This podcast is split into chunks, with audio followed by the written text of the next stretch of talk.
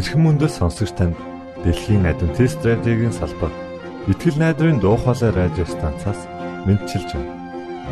Сонсогч танд хүргэх маань нэвтрүүлэг өдөр бүр Улаанбаатарын цагаар 19 цаг 30 минутаас 20 цагийн хооронд 17730 кГц зөвлөлтөөр 16 метрийн долгионоор цацагдж байна.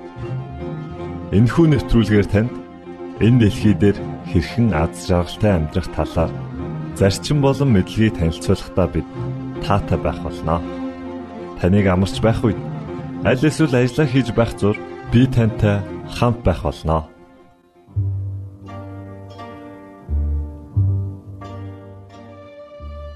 Өнөөдрийн хөтөлбөрөөр танд би ирлээ хэмэх сайхан магтаалын дуу сонсгох болно. Түүний дараа өөрийгөө байлдан дагуулагч болгон хөгжүүлэх цоврал нэвтрүүлгээр уулзах болно.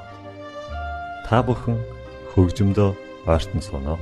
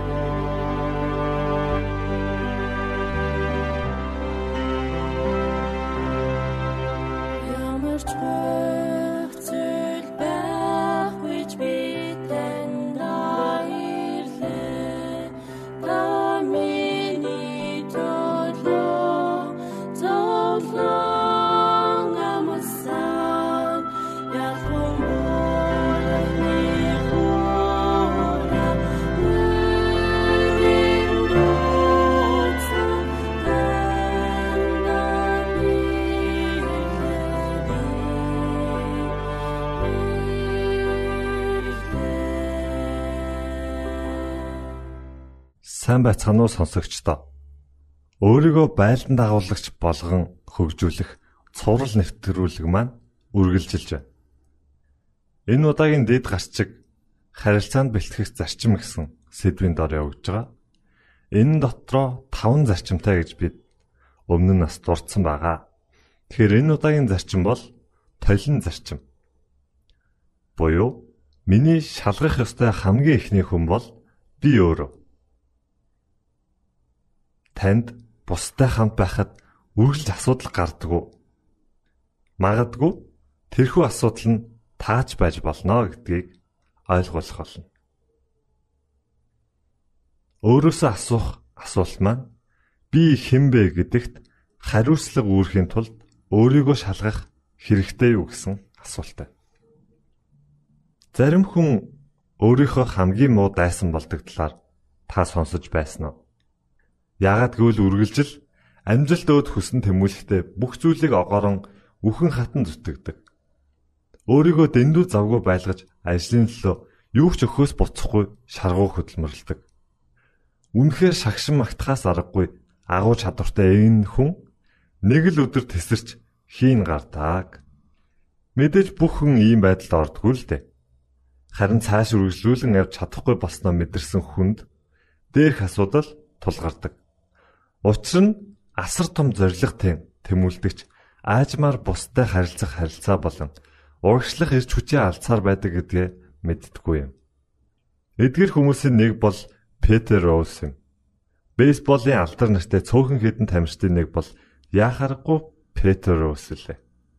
Түүний бейсболын лигийн рекорд амжилтуудаас дурдах юм бол хамгийн өсөх ирээдүйтэй цохогч 4256 хамгийн олон удаа тоглосон. 3562 удаа.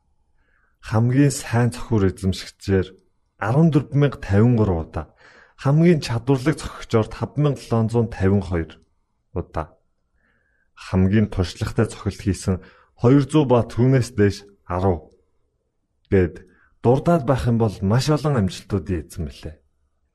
Роуз хоёр үлрэл дараалан алтан бэйли цомын эзэн болсон төдийгүй удаа дараалан маш олон шагнал хүртэж байсан. Түүний томоохон хэмжээний шагналуудаас дурдвал үндэстний лигийн оны авраг, үндэсний лигийн хамгийн үнэлэмж өндөртэй тоглогч, MVP-гийн дэлхийн авраг гэх мэт дурдж болно.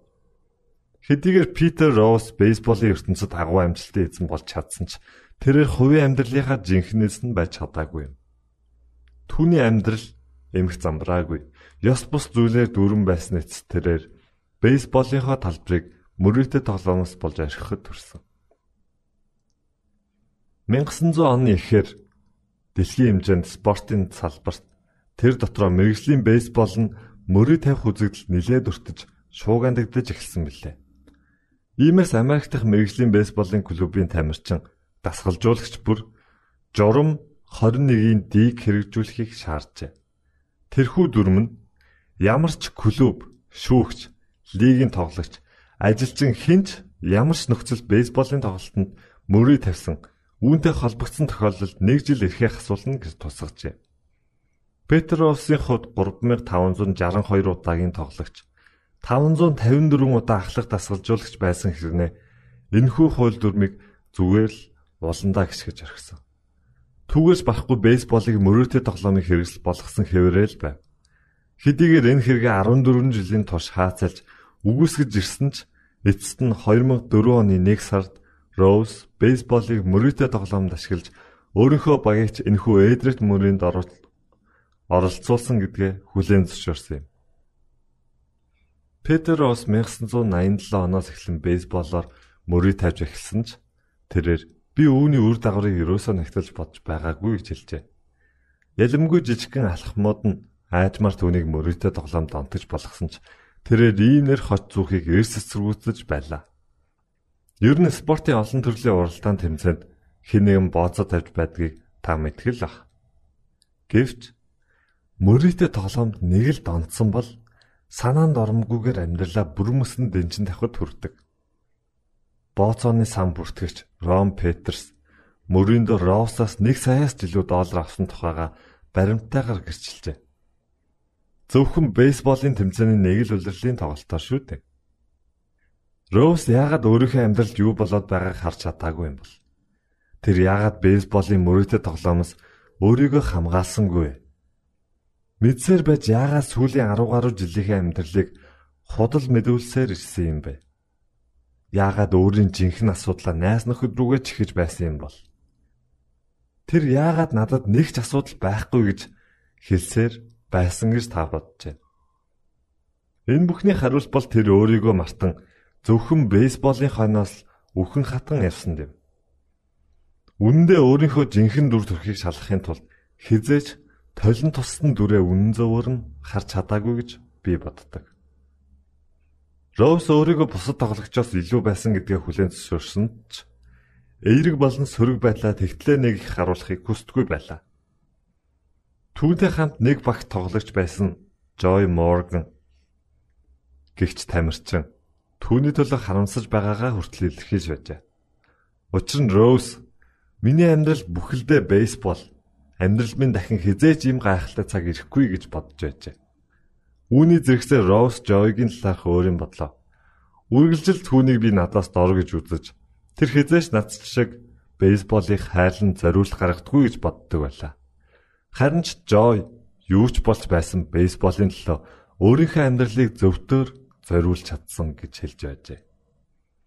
Тимээс Роуз өөрийгөө шалахаас татгалзахдаа ажил амжилтаа нураагаагүй боловч хувийн харилцаа болон түүнийхээ үн цэнийг хэдийнэ олондаа гიშгсэн юм.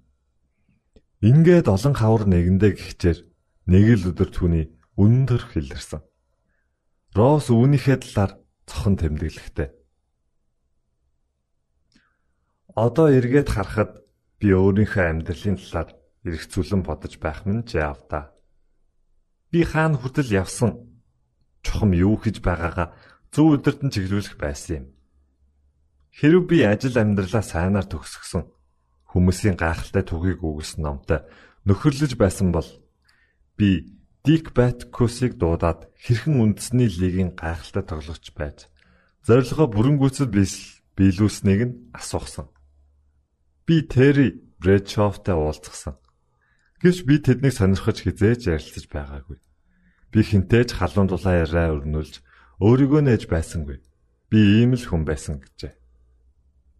Өөрийгөө бодит өөрийгөө бодит байдлаар дүгнсэн цөөхөн хідэн тохиолдол түүнд бий.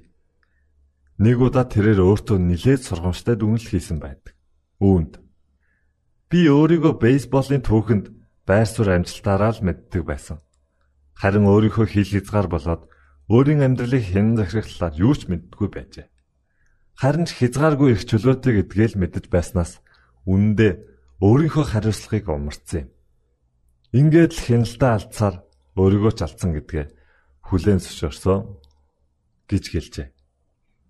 Би бодохдоо тэрээр өөрийнхөө хариуцлагыг улам ихээр ухамсарлан тэмцэлцээр байсан гэж боддог. Гэхдээ л толинд чин үнэнчээр харахдаа чин үнэнчээр харахаас нааш үүнийг хийхэд маш хэцүү байх болно. Толин тест Хүн өөрийнхөө үнэн байдал жинхэнэ мөн чанараар дамжуулан бусдад харилцах харилцаагаа үргэлж сүйтгэж байдаг гэдгээ тэр бүр мэддэггүй. Харин үүнийг өөрчлөх нэг зам бол толинд өөрийгөө харах юм. Хүн бүрийн хийх ёстой үйлдэл бол энэ. Үүнийг би толин тест гэж нэрлэдэг. Эцсийн үр дүн бид өөрсдийнхөө талаар илүү ихийг сурч мэдэх болно. Миний мэдэх ёстой эхний хүн бол би өөрөө. Өөрийгөө таньж мэдэх хэрэгтэй. Өөрийгөө бусдаас илүү гэж дүгнэх нь хүн төрлөختний мөн чанар юм аа. Бейсболын алдарт тамирчин Петер Роуз өөрт байгаа авьяасаараа л өөрийгөө дүгнж байснаас биш өөрийн жинхэнэ дүр төрхийг харж чадаагүй билээ. Ийхүү өөрийнхөө үнэн байдал хаан хандаж мөрөөдөө тоглоом донтсон буруутай үйл хэрэгтээ хүүхэд шиг тодорхойлт өгч өөрт нь тохироогүй гэмт хэргийн шийтгэл хүлээлгэсэн хэмээн үздсэн байдаг. Зарим хүн төрөлхийн өөрийгөө танин мэдэх чадвартай байдаг. Зохиолч Томс Армстронг ухаалаг байх долоон чанарыг боловсруулсан ба эдгээр чанарууд нь хүний оюуны чадамжийг тогтвортой байдлаар эзэмшүүлдэг. Гэхдээ л өөрийгөө танин мэднэ гэдэг ихэнх хүмүүст тийм ч амархан байдаггүй. Энэ нь удаан хугацааны туршид бүрлдэх хичээл зүтгэл хүсэл тэмүүллээс шалтгаална. Надтай хамт алхах ёстой эхний хүн бол бас л би өөрөө. Өөрийгөө үнэлж сурах хэрэгтэй. Урагш дахин нэг ахихад чин туслах алхам. Зохиолч Сиднэ Харрис та өөртөө сэтгэл хангалуун биш бол хизээч бусдад сэтгэл хангалуун хандаж чадахгүй гэжээ. Тийм ээ. Хэрв та өөртөө итгэлгүй байвал харилцаагаа буснуулж үгүй хийх болно. Хэдэн жилийн турш би удирдлагын 21 хуулиас сэдвлэн лидийн хуулийн тухай ойлголтыг хүмүүс заасан. Энэхүү хууль нь удирдахч удирдлагын ямар төвшөнд хэр зэрэг нөлөөтэйгээр бусдыг удирдах байгаа нөлөөллийн төвшинг тодорхойлдог юм. Бусдад хэр зэрэг нөлөөлж байгаагаар нь удирдахчийн удирдахчийн чадрын төвшин илэрхий болдог. Тодруулбал хичнээн шалгуу хөдөлмөрлөхөөс үл шалтгаалan өөрийнхөө хүрээнс гарч чадахгүй л бол ядмагхан удирдахч гэсэн үг. Ийм сул дорой чанартай удирдгчийн эрх мэдэлдор маш олон компани, байгууллага, хэлтэл, хэлтэс баг байсаар л байна. Үүнчлэн өөрийгөө үнэлэх үнэлэмж нь бусдад харилцах харилцаанд маш чухал нөлөө үзүүлдэг. Энэ бол харилцааны лид юм. Таны үнэн байдал бол жинхэнэ мөн чанар. Таны үнэн байдал бол жинхэнэ мөн чанартай нь бусдад эрүүл харилцаа бий болгох чадварын хязгаарыг илэрхийлдэг. Сөрөг үнэлэмжтэй хүн амжилттай харилцааг үргэлж алддаг. Өөрийгөө үнэлэх үнэлэмж нь ядмхан хүн бол амжилтанд хүрнэ гэж санаад зэрэггүй. Яагаад гэвэл өөрийгөө дутуу үнснээр итгэж найдаж байсан. Хүлээлтэд талын нэг цацгад хүрдэг.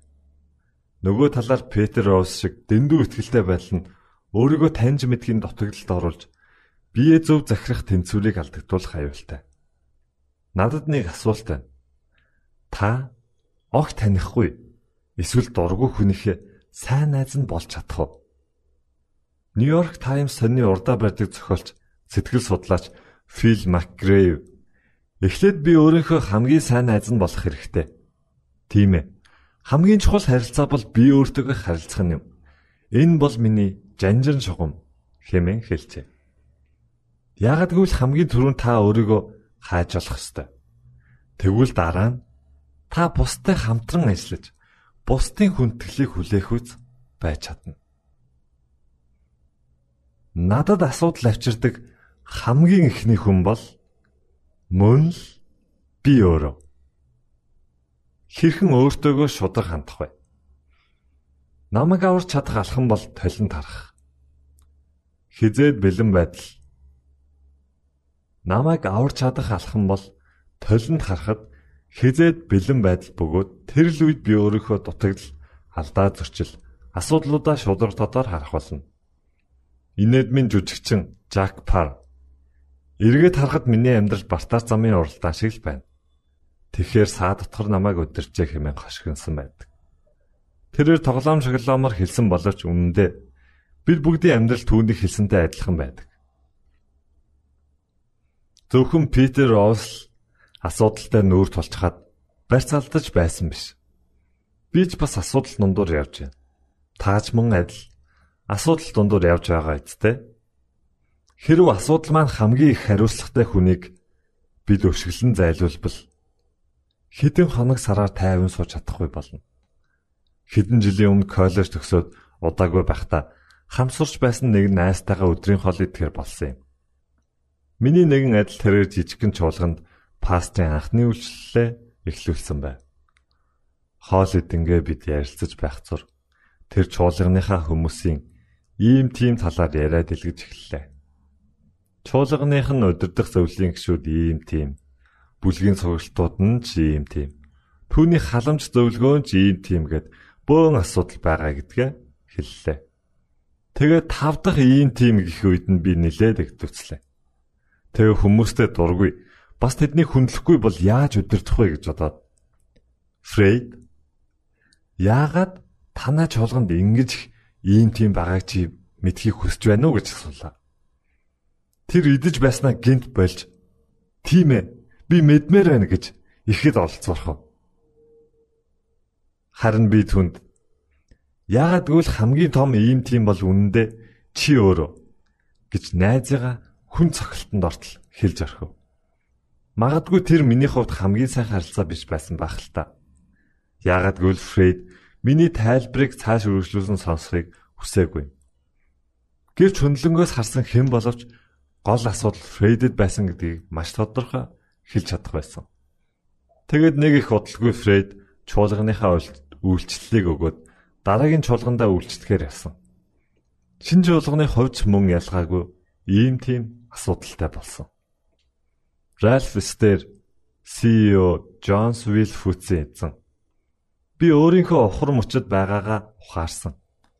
Ихэнх нөхцөлд гол асуудал бол би өөрөө миний бодол санаа, миний харж байсан зүйлс Миний найдлага намайг амжилтад хүрэхэд хамгийн том саад болсон хэмээн өөрийнхөө алдааг хүлээн зөвшөөрсөн юм. Хэрвээ та хамгийн том дайсан болох өөрөөсөө өөрийгөө хамгаалахыг хүсэж байгаа бол өөртөө шудраг хандаж бодис байдлаа хүлээн зөвшөөрөх нь чухал. Өөрчлөл эхлэх ёстой хамгийн ихний хүн бол би өөрөө. Өөрийгөө босгон байгуул.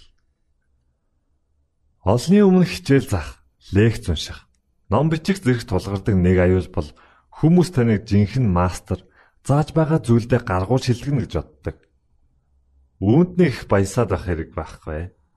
Миний хувьд удирдлагынхаа ур чадвар харилцаан дээр үргэлжлүүлэн ажилласаар л явна. Энэ номдоо оруулсан зарчмуудаа хүртэл би тийм сан хэрэгжүүлээгүй л. Би одоо ч өөрийгөө чадваржуулахын тулд үргэлжлүүлэн хөгжүүлсээр л. Миний хувьд үргэлж дагдаг нэг үнэн бол би одоо хангалттай өслөө боллоо гэж бодох үедээ л жинхэнэ асуудалтай тулгарх тулгарх болно гэдгээ мэддэг юм. Вестминстер Абегийн бунханд 11-р зууны үед амьдарч байсан нэгэн Англикан сүмийн номлогчийн бус байдаг бөгөөд үүн дээр ингэж бичжээ. Би баг залуу байхдаа хязгааргүй агуу хөсөл мөрөөдлөөр дүүрэн байсан.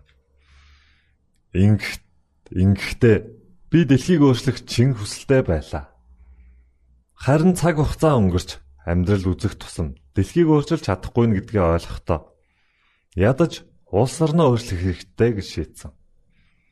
Гэвч нас мань хэлбиж хүчмэн дороодох бүрт орлого маань бүтлгүүтэж бүр бай гэхэд гэр бүл ойр дотныхоо хүмүүсийг өөрчлөхөөр шулуудлаа. Гэтэл тэднээс ч мөн өөрчлөлтийнхөө бүртийг сүдрийгч харсангүй.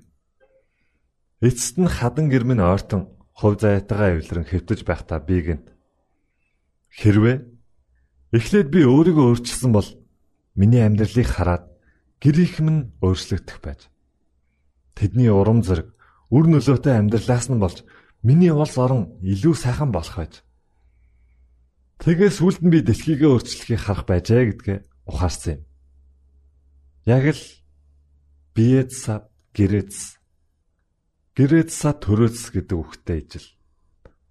Хүн харилцаан дээрээ бэрхшээл амсахаараа үргэлжил хин нэгний буруутхан тэднээс хамаг юм боллоо гэдэг. Үндэ жинхэнэ асуудал өөрөө гэдгийг мэддэггүй. Тиймээс бид үргэлж өөрийгөө шалгаж би юун дээр өөрчлөгдөх хэрэгтэй вэ гэдэгт анхаарал хандуулах хэрэгтэй. Шүүмжлэгч Самуэль Джонсон ухаал өгсөн нэгэн зөвлөгөөнд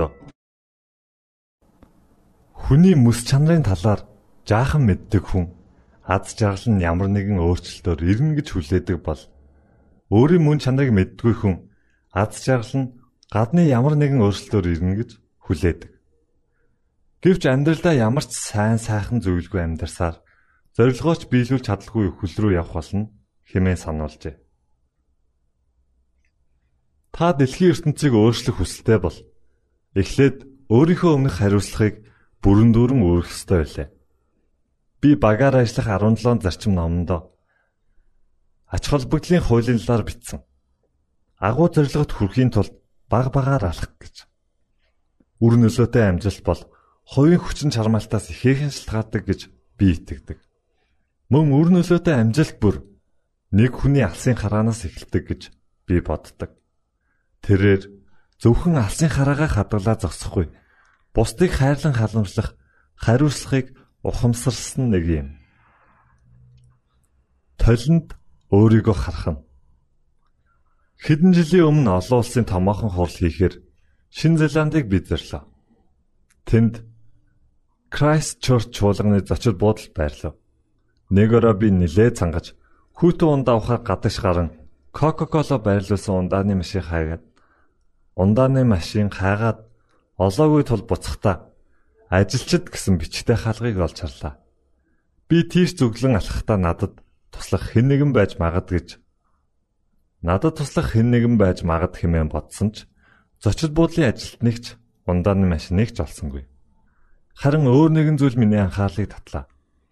Тэр бол танхимын хаалган дээр намайг бүхлээр минь харуулах үз тол байсан бөгөөд дээр нь өөрийгөө сайн хар үйлчлүүлэгч бол хаан гэж бичсэн байна. Учир нь зочид буудлын удирдлагууд зорилгоо бүрэн дүүрэн хэрэгжүүлэхийн тулд өөртөө сайн харах хэрэгтэй гэдгийг ажилчдад сануулах гэж ингэжээ.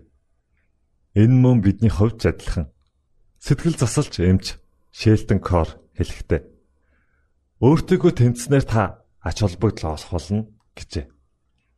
Тийм ээ. Бид өөртөөгөө шалгаж эхлэх үед л бидний жинхэнэ тэмцэл өрнө. Тэр үед бидэнд хоёр сонголт ирдэг. Нэгдүг нь эмчдэр очиод өөрийгөө онц аюултай өвчтэй болохоо мэдсэн хүнтэй адил юм. Эмч түнд рентген зургийг нь харуулад яаралтай хаалга нэлээд өндөр үн төлөн хийх шаардлагатай гэж хэллээ. Гэтэл өнөө хүн аа тэгвэл рентген зурагт засвар оруулахын тулд хичнээн төгрөг төлөх вэ гэж асуух.